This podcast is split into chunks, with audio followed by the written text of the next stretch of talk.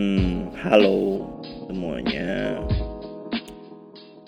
Gue jujur aja sedikit apa ya? Merasa harus ngomong untuk beberapa konten creator yang mungkin beberapa waktu yang lalu merasa paling benar. Di YouTube sih ini sebenarnya case-nya. Lu pernah dengar kan ya Skin Indonesian 24?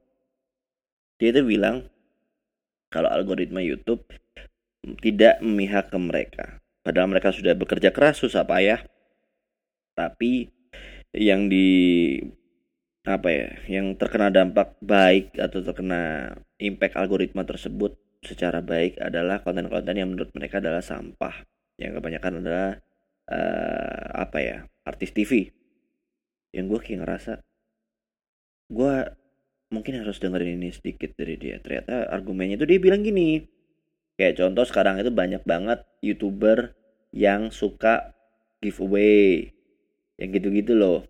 Yang kayak ibaratnya suka ngasih-ngasih uang ngasih-ngasih hadiah sama subscribernya mereka. Terus kalau enggak ini suka ada konten-konten yang menurut mereka ih ini konten apaan sih? Kok nggak pinter?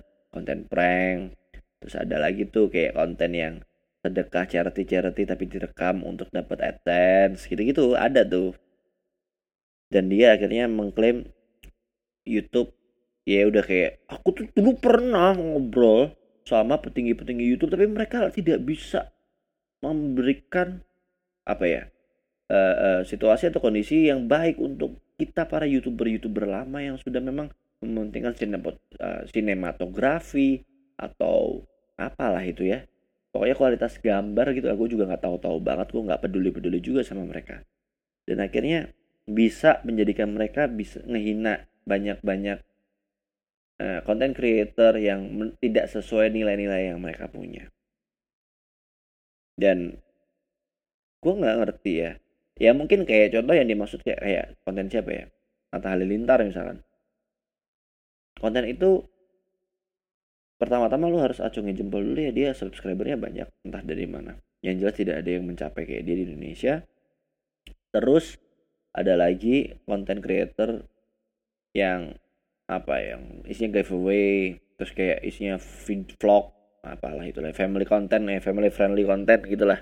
Kayak Baim Wong terus Raffi kita let's say kita bilang mereka sampah.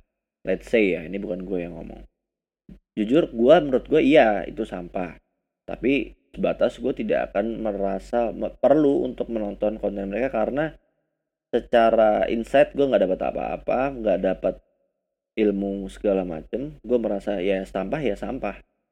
Ya tapi gue tidak pernah merasa untuk merasa apa ya konten mereka harus berhenti atau gimana. Ya enggak kayak feeling jealous as a content creator. Kebetulan gue kan podcast ya.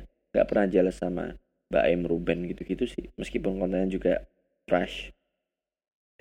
Tapi maksud gue pertanyaannya kenapa si Andovi sama Jovi Dalopes ini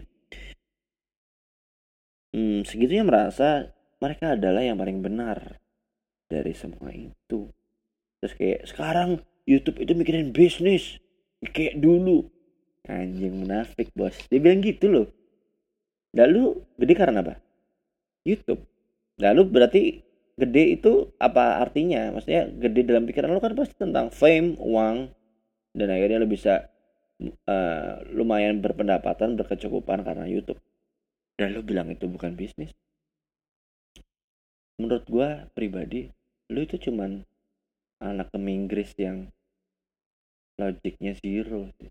You're just nothing, bro gue kira orang-orang yang suka ngomong half English half bahasa itu pinter. Tipikal jaksel banyak bacot tapi otak nol. Kosong.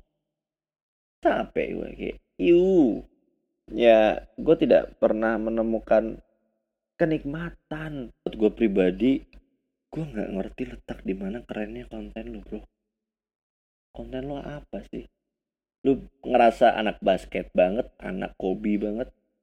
Ya nggak juga menurut gue kayak hmm, lu tuh cuma anak orang kaya yang cuma dikasih TV kabel buat nonton NBA tapi lu nggak bisa basket dan lu nggak tahu basket itu apa.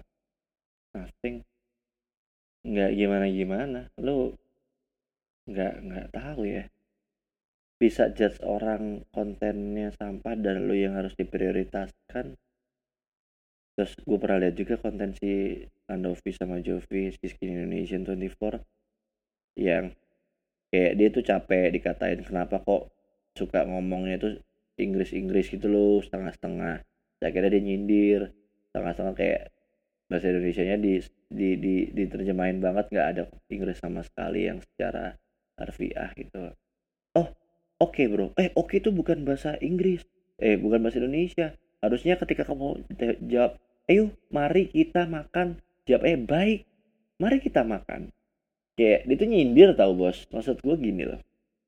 Anjing kayak iuh kayak ini orang kayak gini lo contoh. Apa baiknya dia?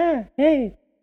Tidak ada perkiraan kritis yang bisa gue tangkap mungkin film yang bisa dibanggain dari dia bucin sama film-film lainnya yang kayak mungkin kemampuannya dia adalah cuma tentang videografi aja tapi secara critical thinking untuk membuat suatu konten still zero. Gue nggak ngerti kerennya apa. Konten kerennya dia cuma satu. Ya dia tuh selalu ngebanggain itu ketika misalkan di interview orang mau berhenti YouTube sok-sok pamit itulah ya. Aku bakal pamit tahun ini terakhir tahun depan aku berhenti. Ya gitu gitu loh. Terus ya ada dia selalu memamerkan konten yang waktu pemilu kemarin yang ada Bung Karno nya di diperanin Tretan Muslim Muhammad Hatta yang diperanin sama Coki Pardede gitu-gitu yang kayak perang debat antara Jokowi Prabowo gitu-gitulah. Ya itu cuma pamer itu doang yang lain tuh G mengamini kalau kontennya itu sampah semua yang lain tuh. Ya kenapa sih lu pede banget? Bisa. Ya faktanya kan maksud gua let's say memang konten itu sampah tapi itu sampah di skala gua gua nggak perlu nonton itu. That's it selesai. Nggak perlu kayak lu bikin campaign sebesar itu. Tapi kenapa gue bilang lu bego? Karena gini men.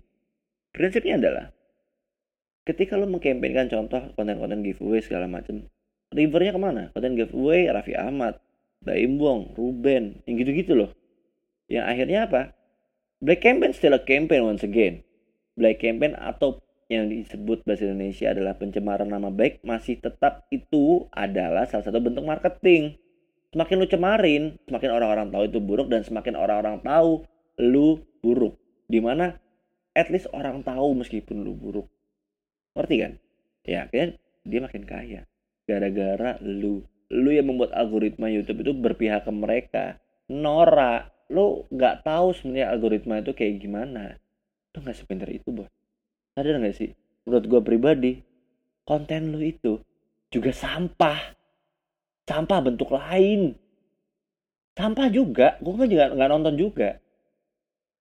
Buat apa? Gue lebih suka tontonan yang berisi obrolan yang memang knowledge di otak gue nambah. Daripada lihat konten lu yang ke Inggris yang entertaining juga enggak. Uh, dan satu lagi lu tuh juga nggak ganteng-ganteng banget. Gak usah lu merasa paling keren paling awesome ih no just enggak lah. Gue gue nggak sampai hati untuk apa ya menghina gimana gimana cuman better lo tau diri. Yang nggak usah kayak berapi-api ngobrol di pod, bukan podcast sorry di channel orang kayak aku kan persembahkan uh, channel YouTube aku untuk provinsi ini karena ayahku tinggal di sana Lu sadar gak sih yang lo omong itu mirip banget sama acara TV yang namanya Tali Kasih. Yang lagunya gini. Ku terima beban ini. Ya, itu gini loh.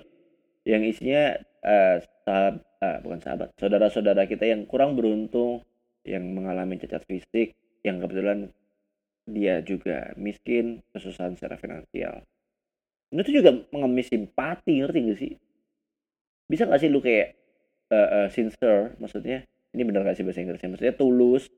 Supaya orang lain tuh dengerin lu kayak gak usah fake. Ini banyak banget youtuber fake anjing gue bete banget kayak. Ya lu nggak ada karena lain untuk tidak fake.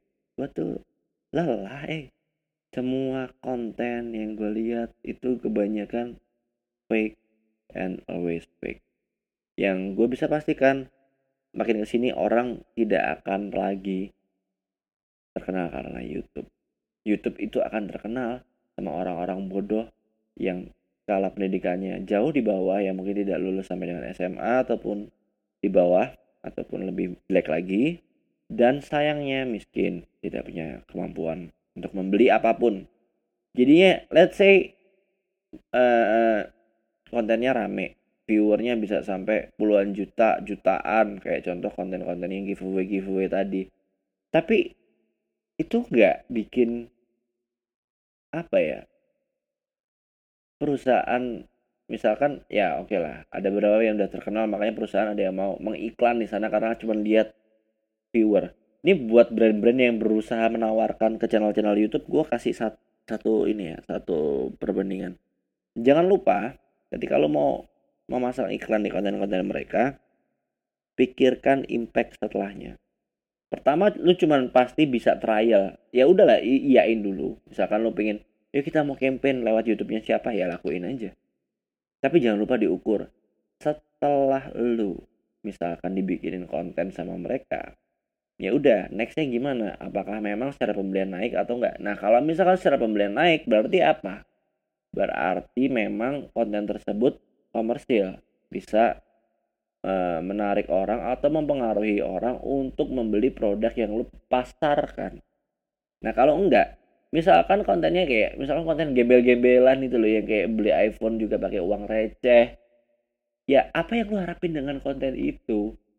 Yang ini loh konten miskin-miskinan kayak yang pura-pura jadi gembel beli beli iPhone 11 ya waktu itu pakai uang koin.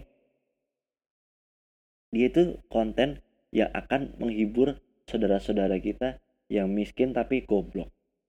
Gue masih bilang saudara karena manusia kan? Maksudnya apa? Karena gini hiburan miskin itu akan hanya dinikmati oleh orang miskin juga kok. Dan saya orang miskin itu juga goblok. Kalau jujur ya kalau misalkan di pikiran kalian merasa tapi lu bisa ngomong gitu karena lu nggak miskin.